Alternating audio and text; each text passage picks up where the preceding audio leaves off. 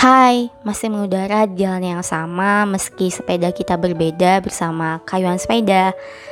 Wah, enggak kerasa nih uh, udah di episode ke-22. Eh, salah. Ke-32 dan udah di season keempat. Ini tahun ke berapa dari 2019, 2021. Iya, tahun keempat aku uh, nge-podcast dan Terima kasih buat teman-teman Sompi yang udah selalu mendengarkan podcast Kayuan Sereda. Nah, di episode ke-32 ini aku pengen ngobrol dan diskusi tentang zona nyaman dan ini jadi refleksi awal tahun untuk aku sendiri. Sebelumnya aku pengen nanya nih, siapa sih yang mikir kalau zona nyaman itu bikin kita nggak ke mana-mana? Ayo, aku juga mikir kayak gitu.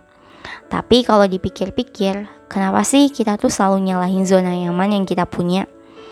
Apa itu karena bikin kita nggak berkembang? Terus apa lagi?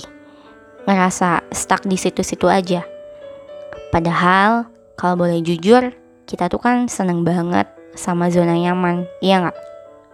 Jadi kenapa kita harus nyalahin zona nyaman kita? Sebetulnya nggak ada yang salah kok sama zona nyaman tapi kan orang-orang bilang kalau kamu mau bertumbuh, kamu butuh keluar dari zona nyaman kamu. Iya, bener sih. Karena saat kita keluar dari zona nyaman kita, itu ngebantu banget kita buat belajar dan bertumbuh dari pengalaman baru. Nah, tapi kan kita tuh nggak selalu bertumbuh setiap saat kan, bahkan setiap detik. Iya atau enggak? Ketika semua yang kita cari dalam hidup adalah untuk bisa hidup nyaman, Kenapa sih kita repot-repot membuat hidup kita jadi nggak nyaman? Kalau kita enjoy hidup kita saat ini, I think it's okay if you choose to stay di zona nyaman kamu. Gak ada yang salah dengan itu. Nah, tapi aku ngomong kayak gini bukan pengen kamu gak berkembang ya, bukan-bukan. Mau kamu milih cari pengalaman atau tantangan yang baru, pergi atau tetap setia di zona nyamanmu, ya itu mah terserah kalian.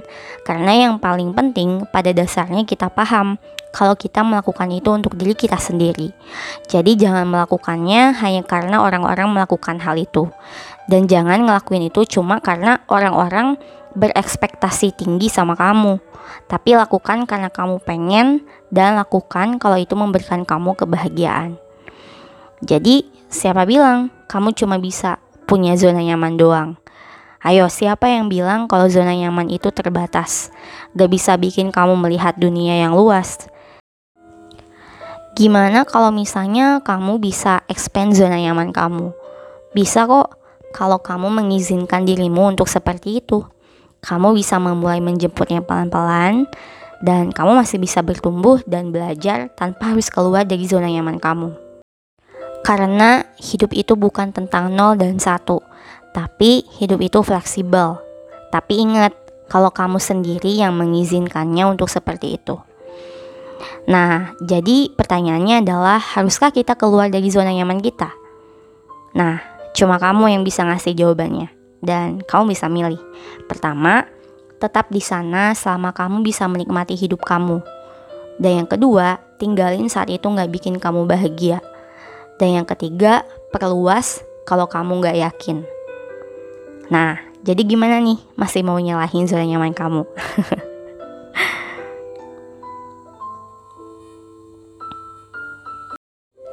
oh iya, sebelum ditutup, aku pengen ngingetin satu hal nih. Akar dari masalah saat ragu terhadap diri sendiri adalah karena kita membandingkan diri dengan orang lain loh.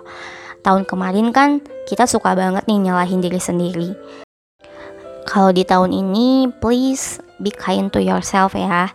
Pelan-pelan peluk diri kamu sendiri karena kita bisa bertumbuh menjadi versi terbaik kita sendiri dan setiap alinea kita dengan orang lain itu berbeda. Oke, okay? kalian sepeda pamit, sehat-sehat di sana. Until next time.